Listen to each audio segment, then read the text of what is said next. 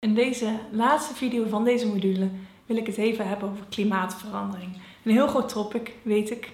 Ik ga er toch een korte, module, of een korte video van maken. Want ik denk dat de klimaatverandering wel invloed heeft op hoe wij de winter ervaren. Ik zelf mis dat ook wel. Sneeuw en ijs is best wel heel zeldzaam geworden en ik mis eigenlijk een echt gevoel van de winter.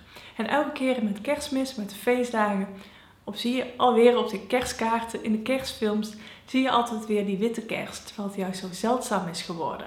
En dat maakt het ook wel lastig, want we moeten ja, wat, met wat minder contrast doen, waar ik het ook eerder in de module al over had. En klimaatverandering kan ook wel met emoties gepaard gaan. Tenminste, ik merk dat bij mezelf, dat ik het soms echt confronterend vind dat het uh, zo laat in het jaar nog zo warm is. Omdat ik weet dat het ja, door een probleem komt wat eigenlijk te immens is om uh, ja, dat wat me machteloos laat voelen, laat ik het zo zeggen.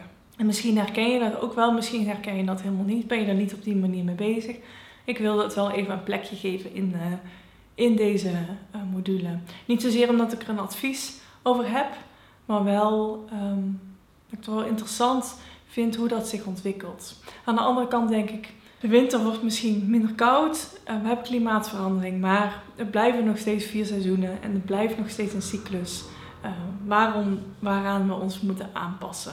Alleen ik denk, misschien zou er een keer iemand ander soort kerstkaarten moeten maken of zo. Niet met sneeuw, maar uh, gewoon een Nederlandse winter zoals die is. Als je nog ideeën hebt, laat het me vooral weten.